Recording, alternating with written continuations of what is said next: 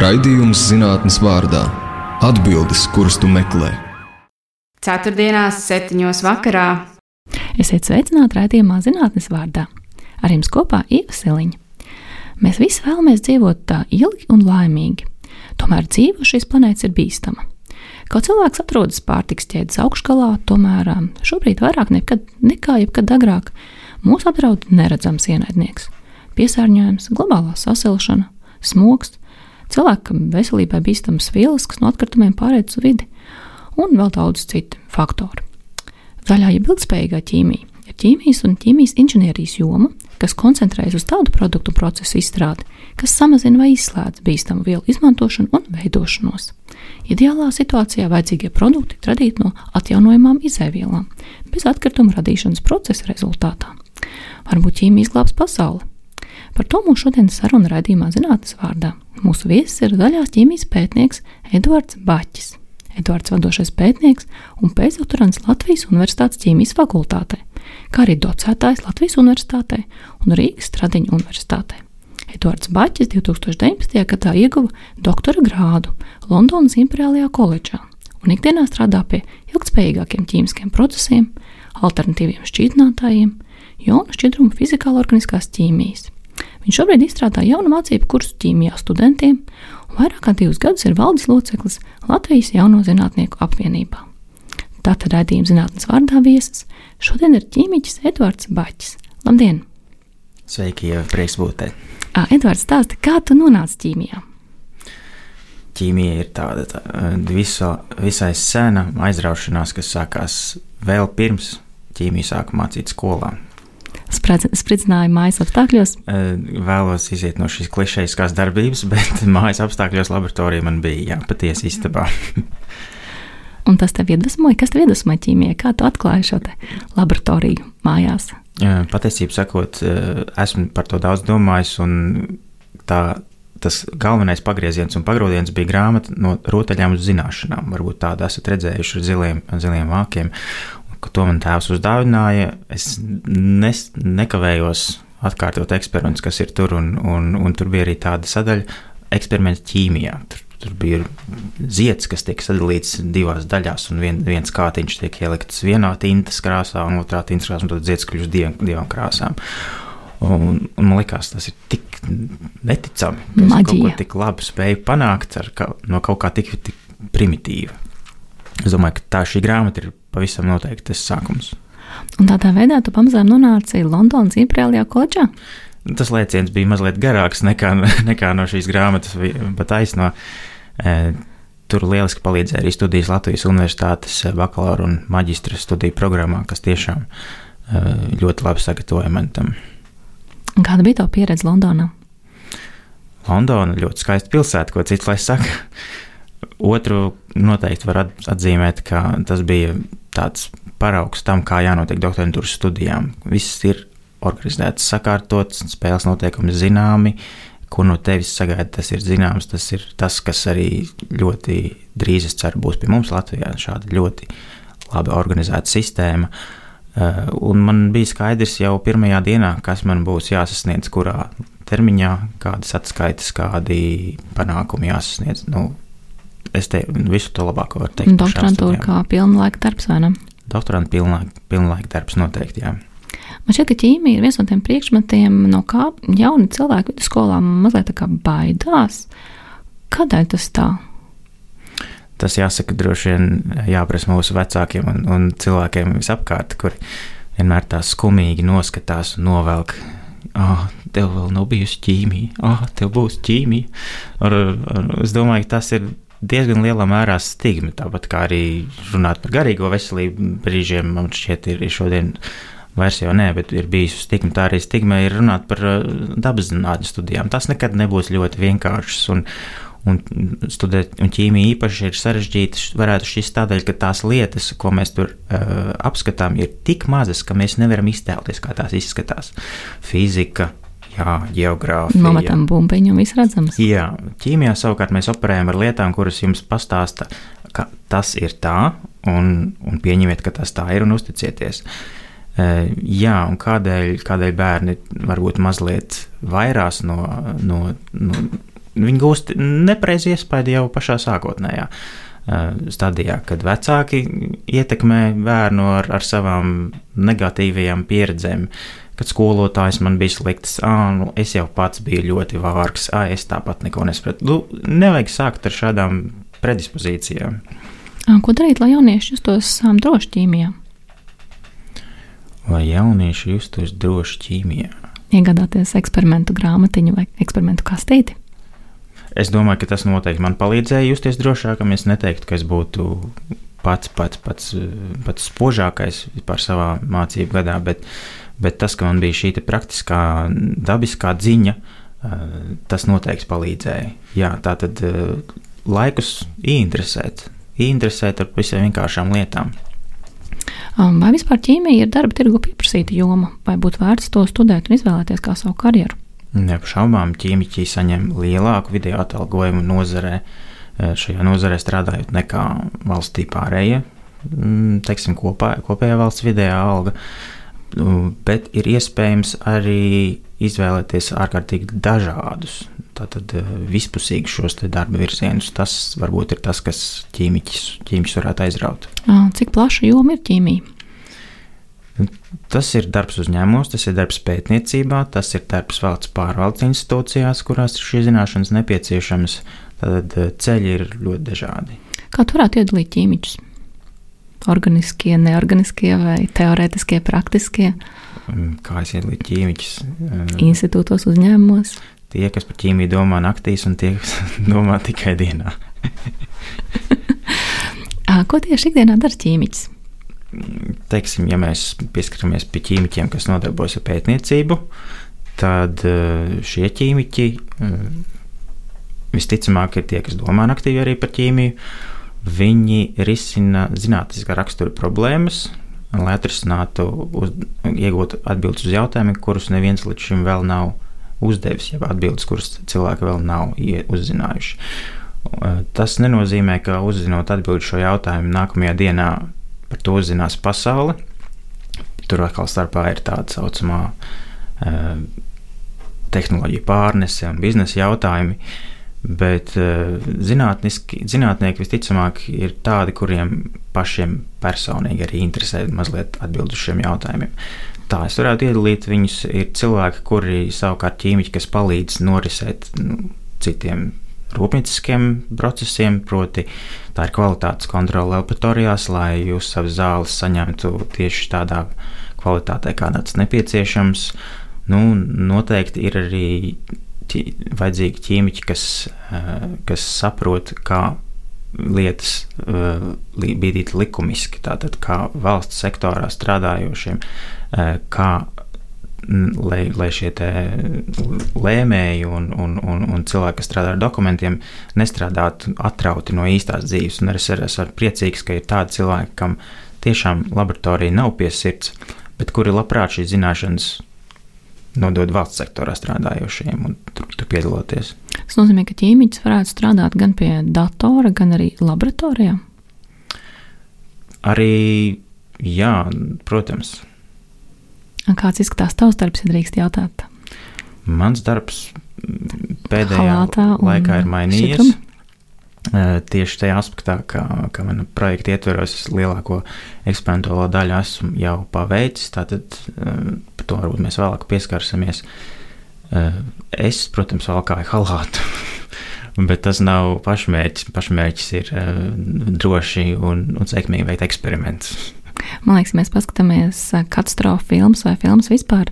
Nu, tieši ķīmiķi, tie īstie zinātnieki, balts halāts, bet nu, viņi parasti ir traki, sajauc šķidrumus, līdz kaut kas noiet greizi vai kāds vīrus tiek izlaists. Um, nu, cik tas vispār atbilst realitātei? Un vai nav tā, ka šis tēls mazliet diskreditē gan ķīmiķus, gan zinātniekus? Nu, es, es tev piekrītu, tur atkal ir šī te, varbūt vecāku negatīvā ietekme. Vai filmu veidotāja negatīvā ietekme šoreiz? Jā, tieši tā, ka, ka ķīmiķi ir vīrieši, un viņi ir neprātīgi. E, savukārt, e, kā mēs te iepriekš diskutējām, dāmas ir, ir, ir supermodelis. Supermodelis, jā. Ķīmija tieši zinātnes lauciņā ir ārkārtīgi daudzveidīga un iekļaujoša. Ja mēs abstrahējamies varbūt no, no vietējās geogrāfijas, kas arī nav, kur arī stāvoklis nav galu galā tik slikts, tad eh, ķīmija ir tie, kur sapulcēs visu sabiedrības slāņu cilvēki, visi ar visām, visādām pagātnēm, ar eh, visādām mīlestībām, visādām aizraušanām, un, un tieši dažādībā ir, ir spēks, ja mēs runājam par viņa sarežģītu akadēmisku jautājumu risināšanu. Tieši tāpat kā dzīvē, vai ne? Tava aizstāvētā doktora disertācija ķīmijā ir par jaunu šķidrumiem. Sāļiem ar ļoti zemām kušanas temperatūrām. Um, šķidrumi istabas temperatūrā, kas nav gaistoši uzliesmojoši, var kalpot par jauniem šķidrinātajiem ķīmiskajā rūpniecībā. Kā tu nonāci pie šādas tēmas? Jaunu šķidrumu pētniecība ir virziens, kas pastāvēs Latvijas universitātei kopš 2000. gadu sākuma. Bet tam ir vēl senākas saknes, proti, eh, viens no pirmajiem šādiem materiāliem, kurš būtībā atgādina varbūt medu, varbūt bez krāsas, bet tādu viskozu šķidrumu biezu. Uh, viens no tiem ir atklāts tieši Latvijā 1914. gadā. Mm. Pasaule domāja par, par kara šausmām. Diemžēl tajā laikā Pauls Valdens, uh, latviešu ķīmiķis, kurš dzimis netālu no Cēsīs, no kurienes es nāku. 12. bērns savā ģimenē. Uh, viņš uh, identificēja šādu savienojumu, kurš neparasti tā struktūrai kusa ārkārtīgi zemā temperatūrā, ap 12 grādiem. Nu, zinot, ko viņš ir izgatavojis, viņš to negaidīja. Bet uh, šis atklājums ir pazīstams arī kā pirmais pasaulē zināmais jauns šķidrums. Priecājos bieži vien uh, Eh, to konferencēs eh, atzīmētu. Vakars tu turpini tādu Latvijas tradicionālu skaistu virzienu. Eh, Cēsnieka aizsākt virzienu. Cēsnieka virzienu vēl labāk. Kas ir tas, ko tu pēti šobrīd, kā, kur tu aizgājis no šīs um, disertācijas tālāk pētniecībā? Teiksim, ja mēs salīdzinām ar Paulu Valdenu, tad tie savienojumi, ar ko strādāju es mūsdienās, ir daudz komplicētāki pēc struktūras, bet tajos joprojām ir tie paši pamatnoteikumi. Tātad tās vielas ir sāļi, sastāv no jauniem, pozitīvi, negatīvi lādētiem, eh, kas ir vēl līdzīgs, ka cilvēki šodien pasaulē joprojām mēģina atbildēt uz tos jautājumus, kurus uzdeva Palms Valdens pirms simt gadiem. Atbildes vien, viennozīmīgas vēl nav. Bet tas, kur es esmu aizvirzījies, ir tālāk lietot šos materiālus kā, kā teiksim, tā, tiltu uz labākiem ķīmiskiem procesiem. Un, ko tas nozīmē? Labākiem tas nozīmē, mēs panākam kaut kādu ieguvumu attiecībā pret vidi. Mēs nevaram panākt pilnīgi uzvaru visās arēnās vienlaikus. Mēs ejam solīt pa solītam, un tieši es vēlos samazināt uh, enerģijas daudzumu, kas ir nepieciešams veicot procesu šķīdinātājos, un pārceļoties no molekulāriem šķīdinātājiem uz jonu šķidrumiem, ir iespējams atrast šādus tiltiņus. Un kāpēc mums vajadzētu samazināt procesa enerģijas patēriņu? Tas ir viens no zaļās ķīmijas mērķiem, proti, vienkāršāk sakot, eh, vislabākā enerģija ir tā, ko mēs nekad neiztērējam. Līdz ar to mums nav jānodarbojas ar problēmām, kur pēc tam likt emitēto oglekļa dioksīdu un, un, un citas lietas, kur ņemt eh, kurināmo. Tātad eh, procesu enerģija ir eh, svarīgs raksturlielums, un varam nosaukt divus procesus. Haber-Boša process ir veids, kā tiek ražots amoniaks pasaulē, un viens vienīgs ķīmisks process, kurš uh, nodrošina ar uh, uzturu patiesībā pusi cilvēces, ražojot minerālu mēslojumu, patērē pusotru procentu visas pasaules enerģijas. Tad viens vienīgs ķīmisks process, kuru mēs skaidri zinām, Pat pusi no mūsu slāpekļa atomiem, starp citu, kas ir mūsu ķermenī, ir bijuši saistīti Haber-Boša procesā pie katalizatora. Tas ir interesants fakts. Tātad eh, mēs eh, vēlamies panākt, lai enerģijas eh, izmaksas šādos procesos būtu iespējami mazākas. Um, tu izstrādā savu pēcdoktorantūras projektu Latvijas Universitātes ķīmijas fakultātē, um, bet tu to dari kopā ar um, citiem starptautiskiem partneriem Francijā un Lielbritānijā. Kādēļ tāda izvēle? Kāda? Mēs varam, protams, būt ļoti pašpārliecināti un teikt, ka mēs esam stipri un vareni, bet mēs noteikti esam stiprāki un vareni kopā. Un Francija un, un Lielbritānija mm, ir tās vietas, kur koncentrējas pētnieki, kam, kas arī nodarbojas ar jaunu šķidrumu pētniecību un kuriem ir zināmas priekšrocības kaut kādā konkrētā apakšvirzienā. Uh, Latvijas universitātē mēs esam eksperti uh, augstas kvalitātes jaunu šķidrumu sintēzē un, un, un pētīšanā tieši ķīmiskos procesos. Bet neviena ķīmija neeksistē, nevar pastāvēt at, at, atstatus no citām ķīmijām. Un ko es ar to domāju? Tad organiskā ķīmija, kas nodarbojas ar molekulu radīšanu, nevar pastāvēt atstatus no fizikālās ķīmijas un uh, tam līdzīgām uh, nozarēm, kas mēdz, mēdz atbildēt, kāpēc tieši kaut kas strādā labāk nekā kaut kas cits. Sanāk, ka fizika un ķīmija tomēr ļoti saistītas. Bez šaubām, fiziķi mēdz teikt, ka fizika ir visa pamatā, ķīmiķi teikt, ka ķīmija ir visa pamatā. Es nestrīdēšos ne ar vienu, ne ar otru, bet fizikālā ķīmija ir um, nozara, ar kuru man franču partneri ļoti um, labi strādā un ir līderi visā pasaulē, un tādēļ man ir svarīgi ar viņiem sadarboties. Šis ir raidījums zinātnes vārdā. Ar jums kopā ir Ieva Siliņa. Viesos mums šodien zaļās ķīmijas pētnieks Edvards Baķis. Turpināsim sarunu par zaļo ķīmiju. Sakiet, Edvard, vai būt ķīmiķim nav bīstama profesija? Visi šie, visi šīs vielas, procesi un pārējās lietas. Bez šaubām negadījumi notiek. Es nevaru tev nepiekrist. Bet negadījumi notiek arī oficiālā, sagriežoties ar papīra lapu. Negadījumi notiek uh, ēdienu dzērienu industrijā, uh, strādājot uz līnijām. Bet uh, dati stāsta, ka ķīmiķa profesija ir visai droša. 97. gadā Lielbritānijā uz 100 tūkstošu darba stundām uh, 0,37 bija tādas darba stundas, kurās gadījās negadījumi. Tas bija ķīmijā. Bet pats interesantākais, ka uh, tikai ēdienu un dzērienu industrijā ir, ir mazāks negadījumu skaits, un pat tekstilu industrijā tas ir lielāks. Citi dati stāsta, ka, ka tikai ka 34 nāves gadījumi uh, no visiem letāliem nāves gadījumiem industrijā Amerikā ir eh, ja 5% ir bijuši ķīmijā. Tad ir daudz citu bīstamāku industriju nekā ķīmijas, es teiktu. Un tu teici, ka starp um, ķīmiķiem un fiziķiem ir tāds mūžīgs strīds, kas ir visam pamatā. Nu, saki, kādi tad ir argumenti tam, ka ķīmija ir visa pamatā? Viss atkarīgs no tā, ko mēs saucam par visu. Mm. Mūsu pasaule. Ķīmiķis, eh, fiziķis teiktu, ka visums ir viss. Mēs ķīmiķi vairāk tomēr, es domāju, esam pieraduši runāt par, par bio, bioloģiskām sistēmām, par dzīviem organismiem. Un tādā gadījumā viss ir tas, ko mēs redzam ikdienu. Un, es teiktu, ka ķīmija vairāk tomēr mūs, mūs diktē. Mēs to vismaz spējam uh, ietekmēt daudz, daudz tiešākā veidā. Kāds saviem vārdiem pateikt, kas tieši ir zaļā ķīmija? Zaļā ķīmija ir teiksim, tā žargonisms, kas radies 90. gados.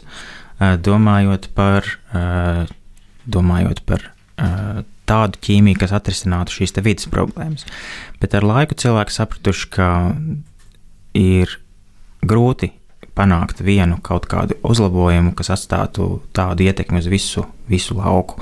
Bet toties ir iespējams darīt daudzas mazākas lietas, un tad radās patiesais jēdziens ilgspējīga, ilgspējīgāka ķīmija. Tad šobrīd es lietotu vārdu ilgspējīgāka ķīmija. Bet um, kas tad nezaļš bija esošajās ķīmijas metodēs un materiālos? Kāpēc vispār radās šī vajadzība? Nu, visiem radās liela sajūsma, kad uh, aptuveni 50. un 60. gados uh, ķīmijā radās tā saucamās veiksmes. Tika atklāti daži katalizatori, proti, cīglera nata katalizators, kas ļāva iegūt uh, plasmasas, kādas mēs tās pazīstam šodien, vieglos, vienkārši kontrolējamos apstākļos. Uh, otra veiksme bija saistīta ar um, antibiotiku atklāšanu, proti, cilvēks iemācījās izolēt no mikroorganismiem antibiotikas, un pēc tam, kad tās zaudēja aktivitāti, ar ķīmiskām metodēm atkal padarīt uh, aktīvas, kā ampicilīna gadījumā. Uh, Bet visa šī te, mm, veiksmju gūzma uh, vēlāk tika um, Man šķiet, ka šīs veiksmes faktiski tagad ir mums um, it kā visapkārt. Jā, tas um, Tev ir taisnība, jā. gan glābi dzīvības no vienas puses, bet no otras puses plasmasas gabaliņi, kas mikroplasmas, kas bija atrasta Antarktīdas uh, ledājos un antibiotikas, kas atrodams mūsu notekūdeņos. Šobrīd ir, esam nonākuši pie šādiem uh, skadriem secinājumiem, bet jau daudz agrāk, jau 57. gadā, tika konstatēti uh, gadījumi, kad uh, zāļu vielas neuzvedās kā nepieciešams, proti, talidomīda piemērs, kas, kas medikaments, kas tika um, parakstīts uh, pret rīta nelabumu sievietēm, kas ir stāvoklī. Uh, cīma bērni, kuriem bija daudzas kroplības, un, un agri vai vēlu tika šīs sekas uh, arī identificētas, ka, ka patiesībā viss nav tik rožaini. Tu jau labi ieskicēji, ka mūsdienās uh, šī vislielākā problēma ir vidas problēmas, proti tas, ka paaugstinās oglekļa saturs atmosfērā, ka mikroplasmas piesārņojums spēja apcirkulēt visu pasauli un nonākt pat tādās tālās vietās kā Antarktika. Es domāju, ka tās ir tās šausmas, kuras uh, cilvēki sāks tikai aizvien vairāk un vairāk apzināties mūsdienās. Un pēc kādiem principiem darbojās šī ilgspējīgā, zaļā ķīmija? Ilgspējīgā ķīmija to pamanīja jau apmēram 90. gados, un tika e, iestā, e, iedibināti kādi 12 principi. Pēc tam visiem cauri neiesim, bet uh, daži no tiem ir piemēram radīt produktu, kurš noārdās pats, kurš nav jānoārda. Uh, to sauc benign by design, tātad maigs pēc dizaina. Izmantot izaivielas, kas ir atjaunīgas, kuras nav jāatra, jāražo no neatjaunīgiem resursiem, nodrošināt ķīmiskās pārvērtības procesa laikā tādus apstākļus, kas neapdraud apkārt strādājošos. Tas ir tātad šis negadījuma aspekts. Eh, vēl eh, iespēja kaut ko lietot atkārtoti, ja ir iespējams kaut ko reciklēt. Tie ir tā, šādi principi, kas it kā šķiet uh, paši par sevi saprotami, bet uh, ķīmijas industrijā līdz 90. gadu sākumam netika tā mērķiecīgi īstenot. Jo, protams, ka tas viss prasa daudz darba un investīciju, lai, lai šādus principus iedibinātu. Bet uh, šis dzinējs spēks līdz šim visticamāk ir droši vien bijusi pēļņa. Tas nozīmē, ka pāris desmit gadus, ko mēs pievēršam uzmanību šiem jautājumiem mēs tiem pievēršam aizvien vairāk un vairāk. Un, un man bija tā veiksme arī paviesoties nesen konferencē. Uh, Francijā, kas saucās uh, International Symposium on Green Chemistry, kurā mēs satiekamies un, un tad apsēžamies un godīgi viens otram pasakām, cik tālu mēs esam tikuši un kā izskatās, kur mēs iesim tālāk. Un cik tālu mēs esam tikuši? Kā mēs, izskatās? Mēs esam tikuši aizvien tuvāk un tuvāk šai skaudrai atziņai, ka ir šie divi konkurējošie vektori, ātrumi. Viens no tiem ātrumiem ir tas, ar ko mēs spējam risināt problēmas, un otrs vektors ir tas, ar kādu ātrumu jau esošās problēmas samilst. Un kāds, kurš, kurš ātrums ir ātrāks? Šobrīd mēs esam visi visai tādi piesardzīgi. Diemžēl tas, tas vektors, ar kuru problēmas samilst, tā šķiet, ka Eh, nespēs apsteigt to mūsu radošumu vektoru. Būtu nepieciešami lielāki resursi, vairāk zinātniekiem iesaistīties šajā virzienā un vairāk sabiedrībai palīdzēt šajā darbā. Bez šaubām, un, un tā ir eh, joma, kurā noteikti vajadzētu arī sociālajiem zinātniekiem nākt palīdzīgā. Jo bez paradumu maiņas, un šeit es nedomāju tikai ņemt papīra maisiņu, plasmas maisiņu vietā, bez paradumu maiņas eh, maskas ir gaidāms atrisināmies. Kā tev liekas, vai ar laiku varētu šī ilgspējīgā ķīmija aizstāt um, līdz šim esošo tradicionālo ķīmiju? Es gribētu teikt, ka ķīmiskie procesi un, un likumi, kā, tie, kā pārvērtības notiek, ir vienādi kā vienā tā otrā ķīmijā. Tur nav tāda stipri nodalām, nodalām robeža. Veids drīzāk, kā mēs lūkojamies, kad mēs risinām problēmu, ir tas, kas ir zaļā ķīmija.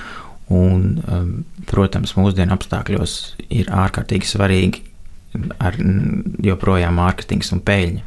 Un nekas, kas nebūs uh, peļņu nesošs, kas nebūs pieprasīts tirgu, diemžēl arī nebūs tas, kas mainīs līdzinējo trajektoriju. Nu, izņemot uh, valsts iejaukšanos, ja kaut kā tiek panākts, ka izdevīgāks ir tas, kas ir vidē draudzīgāks. Jā, un šeit jāuzteic, ka beidzot arī pie mums ir tā saucamā depozīta sistēma, kas kaut kādā mērā novērš piesārņojumu nonākšanu vidē. Bet ir daudz citas lietas, ko mēs varam darīt. Es tev pirms rādījuma teicu, mēs varētu iet uz veikalu ar savu burciņu. Tas pavisam būtu labi, jo iedomājieties, tas šādā gadījumā mums nebūtu pat par depozītu jādomā. Runājot par šo depozītu sistēmu, kas notiek ar šīm plasmas pudelēm, varbūt tev kā ķīmiķim ir zināms? Eh, at, atšķirībā no tā, no kāda materiāla tās veidotas, tās vai nu tiek pārstrādātas otrreizējai izmantošanai, citiem mērķiem, eh, vai arī, ja tās ir skārta buļbuļs, tās tiek pārstrādātas kaut kur citur Eiropā. Bet katrā ziņā šī problēma, kas uh, tomēr pastāv, ir, ka produkti, ko mēs varam izgatavot no otrreizēji lietotiem materiāliem, nekad nebūs tik labas kvalitātes kā pirmreizējā uh, plasmasas materiāla produkti. Uh, Mēs varam izgatavot eh, vai pildījumu ceļiem, vai, vai kaut kam tam līdzīgam, vai, vai autoriepām, bet mēs nekad nevarēsim no desmit reizes lietotas pudeles izgatavot pilnīgi jaunu skaistu plasmasas pudeli, kā tas bija sākumā. Jo, diemžēl, šis materiāla īpašības, šī plasmasas kristāliskums ir diezgan augsts, kas nepieļauj, ka materiāls viegli atkal tiek uh, tikt velmēts, eh, presēts eh, un, un, un dažādi citādi apstrādāts. Tas nozīmē, ka mēs nemākam atgriezt šo produktu atpakaļ izēvielās. Jā, tas ir tāds labs koncepts. Eh, polimēru ķīmijā mēs no monomēriem, kas parasti ir gāzes vai, vai mazmolekulāru savienojumu, veidojam polimērus, tātad lielu molekulu savienojumus. Un īpašība, kas raksturīga šīm cīklernacu katalizatoram, ko es pieminēju, ir, tas fantastiski, vienkārši fantastiski pārvērš monomērus polimēros. Bet, uh, diemžēl, ķīmija un māte daba ir paredzējusi, ka šīs jaunās oglekļa, oglekļa saites ir tik noturīgas un izturīgas un, un, un visas kā viena vienādas, ka tās pārvērst atpakaļ monomēros vairs nav iespējams. Nu, par to bija arī viena no interesantākajām runām konferencē, kurā es biju, kādi ir panākumi Eh, šo procesu pavērst atpakaļ. Nu, mēs apmēram mēs esam, mēs kasam pašu, pašu uh, uzlīmes maliņu šobrīd šajā jomā. Bet varbūt kādreiz mēs to varēsim izdarīt. Varbūt mēs to kādreiz varēsim izdarīt, bet nu, ar ķīmijas zināšanām un, un tādu veselīgu zinātnē skepticismu es nebūtu tik drošs. Kādā šķiet, kas ir tie lielākie izaicinājumi, ko mēs šobrīd saskaramies, kur varētu palīdzēt mūsu ilgspējīgā ķīmija? Nu, tā noteikti šobrīd ir enerģētika, kas ir eh, aktuāla bijusi pirms tam, vēl aktuālāka šobrīd. Uh, tie ir uh, enerģijas ražošanas um, paņēmieni, kas neprasa uh, fosilo resursu izmantošanu. Atjaunojamā enerģija, saules baterijas. Atjaunīgā, atjaunojamā, jā. Saules paneļi šobrīd ir visai augstas kvalitātes par visai pieņemamu cenu. Protams, šeit atkal tirgus dara savu, ka šobrīd to vēlas visi, un, un, un tur ir citas cenu, cenu īp, nepilnības radušās. Bet, ko es vēl gribētu teikt, tā tad šī ir nākotne pārceļoties uz elektroautorātu, uz šādu veidu mobilitāti. Es neteiktu, ka pilnīgi visu atrisinās viens kaut kāds risinājums. Diemžēl arī tā bija šis konsensus konferencē, ka nākotnes uh, risinājumi būs kompleksi un ka jebkuram tehn tehnoloģijai, kas spēj sevi atpelnīt, būs ieguldījums tajā. Nozīmē, ka šis saules panels, lai cik efektīvs būtu, viens pats neko neatrisinās. Nu, kā mēs zinām, saules spīd dienā. Ir vajadzīgi citi mehānismi, kā līdzsvarot šo enerģijas plūsmu arī naktī. Nu, tā nāk ceļā. Mēnesis enerģija. Astarotā. Jā. Kā zaļā ķīmija var palīdzēt samazināt rūpnīcu izmešus, ja var? Ko mēs saprotam par rūpnīcas izmešiem? Nu, man šķiet, rūpnīca, rūpnīcas ražo rodas gan gaisa piesārņojums, gan kādas dažādas atkrituma vielas. Varbūt tā ir tā lieta, ar ko būtu jāstrādā zaļajai ķīmijai. Mm, šis arī tāds ļoti kārdinošs, protams, risinājums. Es domāju, ka viens no veidiem ir samazināt enerģijas patēriņu rūpnīciskos procesos. Eh, un tas jau būs daudz, darīs visai daudz attiecībā uz CO2 izmešiem. Droši vien tas nozīmē arī, ka katram cilvēkam būtu vērts samazināt savu enerģijas patēriņu. Protams, jo labākā enerģija ir tā, ko mēs neiztērējam. Um, ko zaļā ķīmija piedāvā, lai būtu iespējams tikt galā ar tiem daudziem atkritumiem, kas ir sakrāti izgāstuvēs? Diemžēl ar tiem zaļā ķīmija priekšā mums neko tādu spožu nepasaka. Ir tie, tiek uh, sadarbībā ar um, biologiem, bioķīmiķiem notiek dažādu mikroorganismu identificēšana, kas spēj, spētu saist plasmas, un arī tas bija viens no konferencē tādiem karstākajiem tematiem, kā, kā zinātnieki prezentēja. Kā, kam garšo plasmas? Kam garšo plasmas, kur tur pagāja tikai nedēļa, un mūsu PET, polietilēna tereftalāta, nu, tas no kā tiek pudeles ražotas, tiek, tiek sāstas pilnībā, bet uh, gribu teikt, ka izgāstus un, un, un viss cits noteikti neatbilst tiem labākajiem dzīves apstākļiem, kurus mikroorganismi šobrīd vēlas. Kā tas praksē notiktu šiem mikroorganismiem? Būtu kādā konteinerā, kur viņiem dotu sagraust pudeles, vai viņi tiek palaisti dabā? Ideālais risinājums, protams, ir kaut kas līdzīgs kā mūsu dārza kompostētājs. Varbūt esat dzirdējuši, ka uh, savos dārzos jūs uz, uzberat tādu pūlīti kompostu kaudzē pirms liekat nākamo kārtu. Tas būtu, protams, labākais, ko mēs varam vēlēties arī, arī šādā izpildījumā. Man liekas, ka dārza kompostā tomēr sliekas ir tās, kas izdara lielu darbu. Tās darbu. izdara, darbu. bet uh, mikroorganismi palīdz uh, sašķelt tādas, tādas saites, kuras nespēj sašķelt sliekas. Um, vai redzams iespējas izmantot atkritumus, ko mēs saražojam ikdienā, piemēram, oglekļa dioksīdu? Kā lūdzu?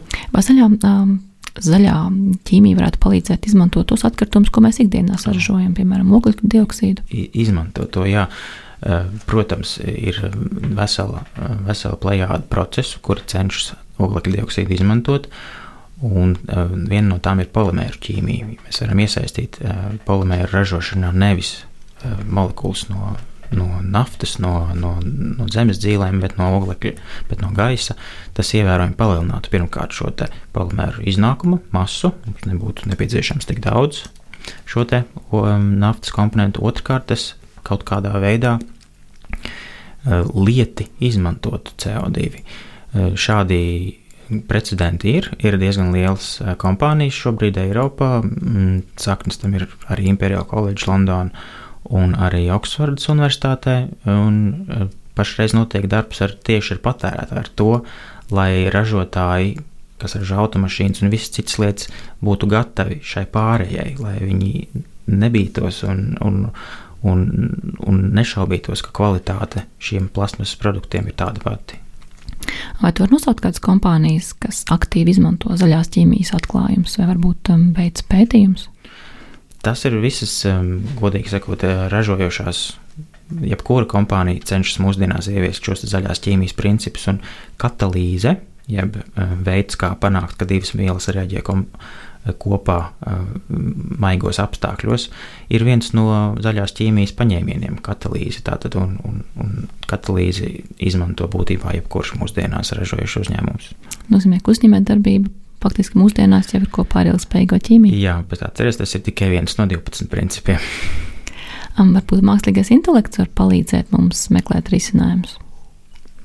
Mākslīgais intelekts jau šobrīd tos palīdz risināt gan tiem ķīmiķiem, kas um, atbild teorētiskos jautājumus, tiem, kuriem naktī par tiem domā, eh, gan arī tiem, kas uh, strādā pie zāļu vielu izstrādes. Uh, Mūsu jaunuzinātņu apvienības kādreizējais vadītājs Kristaps Jaudzems arī par to ir runājis mūsu tiešsaistē zinātnieku, kā mērķiecīgi dizainēt zāļvielas struktūru. Modelēšana?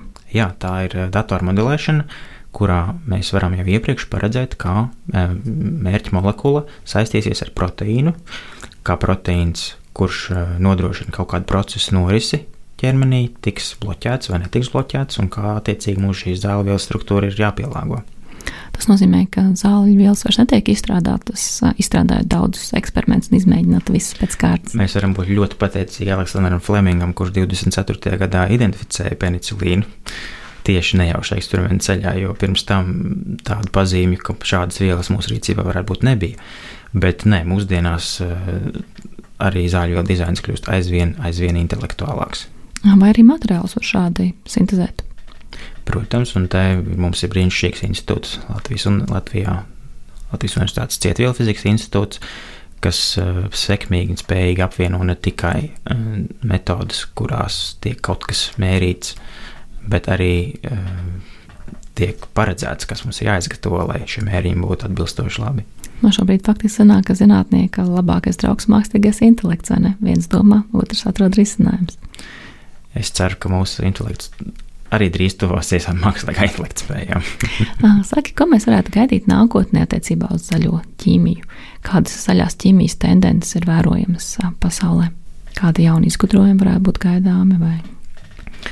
Redz, zaļā ķīmija ir metožu kopums, metožu kopums, principu kopums. Tas nav gluži kā uh, pudelīte, zāļu skapīte, kas kuras rakstīta zaļā ķīmija.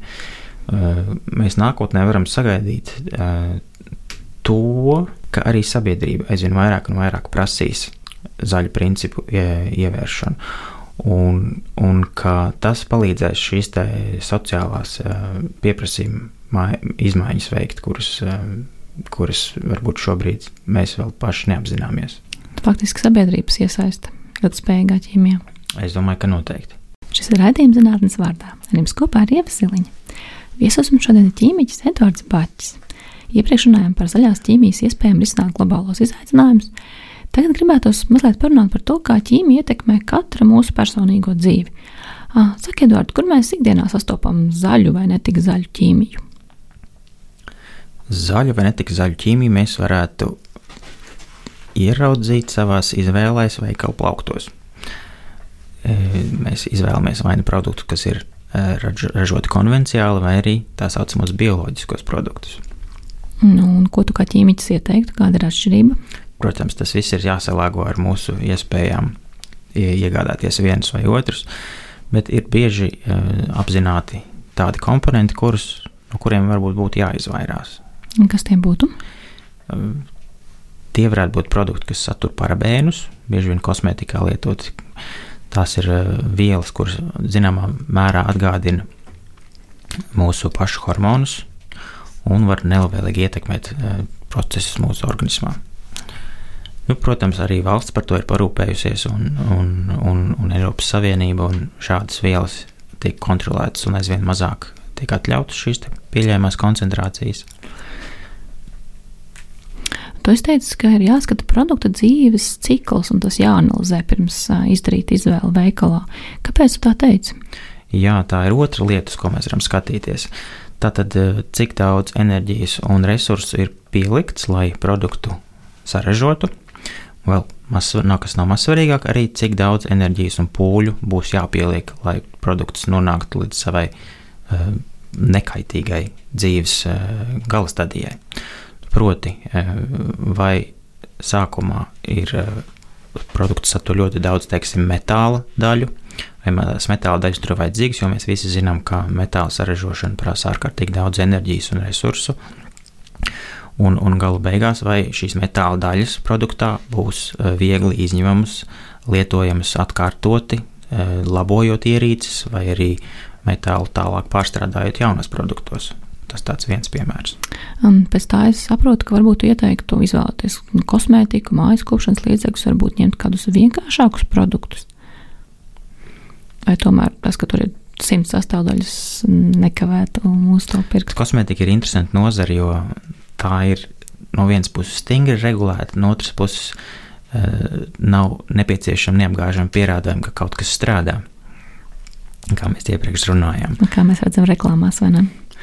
Jā, un uh, tajā ziņā, ja jūs ieraugat uz, uz produkta, ka tas satur 30 sastāvdaļas, Eh, jums varbūt nav pavisam liels drošības. Es varētu tur mm, ietekmi, pastāstīt pēc tam jau, kur es, kur es iegādājos kosmētiku, kur, kur ir arī zinātnisks atsauces, bet uh, to es iesaku visiem painteresēties, vai ir kādi pierādījumi, ka tam, ko jūs lietojat, ir tiešām kāds efekts. Vai tu piekrīti tam, ka vajadzētu izvēlēties produktus, kas ir um, radušies šeit vai tuvāk um, Latvijai? Tas noteikti ir viens no aspektiem, kā dzīves ciklu uzlabot. Proti, ja produkts nav bijis jāved no otras zemeslodes puses, tas, protams, atstāja mazāku zaļo pēdu, tā saucamo. Kādus bīstamus piesārņotājus tu redzētu mūsu ikdienas dzīvē? No kā mums būtu jāuztraucās? Nu, tāda problēma, kas varbūt ar ko vairāk mani kolēģi strādā, ir šis mikroplasmas piesārņojums. Ko tas nozīmē? Tas ir sīkas, sīkas plasmasas daļiņas, kuras mēs nevaram ar neapakņotu acu pat redzēt, bet kuras rodas no lielākiem plasmasas gabaliem un, un, un materiāliem, kas nonāk vidē, mehāniski iedarbojoties vienam ar otru. Un tās sāk, tendence ir, ka tās pieņem aizvien mazākus un mazākus izmērus, un beigu beigās salīdzināms ar mūsu, teiksim, lipīdu dubultslāņu šūnās, un ka tās varētu sākt iedarboties ar to. Tas ir viens no tādiem piesārņojuma virzieniem, šīs smalkās daļiņas tas būtu gaisā, ūdenī, kur citur vidē. Tieši mikroplasmas, protams, tā ir spējīga pārvietoties arī ar atmosfēras slāņiem, kā gan citādi viņi nonākt atmosfērā, bet pārsvarā tomēr šobrīd man šķiet to, to, to saredz kā ūdens vidas problēmu. Kā mēs varētu sev pasargāt? Kur būtu Lūk, drošāk? No mikroplasmas mūs pasargāt ir visai grūti. Visticamāk, tie būtu pārtiks produkti, kas ir uh, ražoti Uh, bioloģiskā ceļā, tātad vidē, kas nav netiek uh, tik ļoti piesārņota, kurā tiek lietotas uh, tikai bioloģiskas auga aizsardzības metodas un tam līdzīgi. Bet par mikroplasmasu konkrēti tas ir labs jautājums. Es domāju, ka no nu, tās izvairīties mums kļūs aizvien grūtāk un grūtāk. Jā, bet gribētu nodrošināt sev tīrāku gaisu, tīrāku ūdeni, tīrākas mājas. Varbūt kādi ieteikumi no tavas puses? Es varu teikt, ka dzīvot pilsētās noteikti ir viens no veidiem, kā savu dzīves ilgumu nepagarināt. Ir, ir skaidri aprēķināts, ka, pa, ka tieši Londonā no gaisa piesārņojuma problēmām gadā mirst mm, noteikts tūkstošu cilvēku skaits. Manuprāt, tie bija deviņas, ja nemaldos. Es zinu, ka šādi dati ir arī par uh, Rīgu, kur arī jau tiek uh, runāts konkrēti par, par, par nāvi skaitu. Kas iestājas piesārņot gaisa dēļ, nu, te ir jāmaina mūsu droši vien pilsētas infrastruktūra, tendences, ar kurām kādu transportu mēs ikdienā pārvietojamies. Droši vien arī smēķēšana. Bez šaubām, bez šaubām smēķēšana ir pēdējais, ar ko mums vajadzētu nodarboties. Jo sevišķi tā ir tabaks izstrādājumi, kur ir simtiem uh, savienojumu, kuri dabiski nekā mūsos citādi nenonāktu. Kā ar ūdeni, cik tīrs ūdens ir Rīgā un Latvijā? ūdens ir viens no tiem resursiem, ar ko mēs varam būt ļoti priecīgi valstī un Latvijā vispār, jo mūsu ūdens ir visai tīrs. Mums ir arī ļoti rūpīgi dienesti, Rīgas ūdens, kas uzmana, lai ūdens kvalitāte nemainītos un, un būtu atbilstoša, un dzert ūdeni no krāna ir pilnīgi absolūti droši un vēlami. Kā zaļās ķīmijas pētnieks, kādus paradumus tu pats piekopi? šķiro atkritumus uz veikalu ar maisiņu? Es eju uz veikalu ar audumu maisiņu. Lielākoties.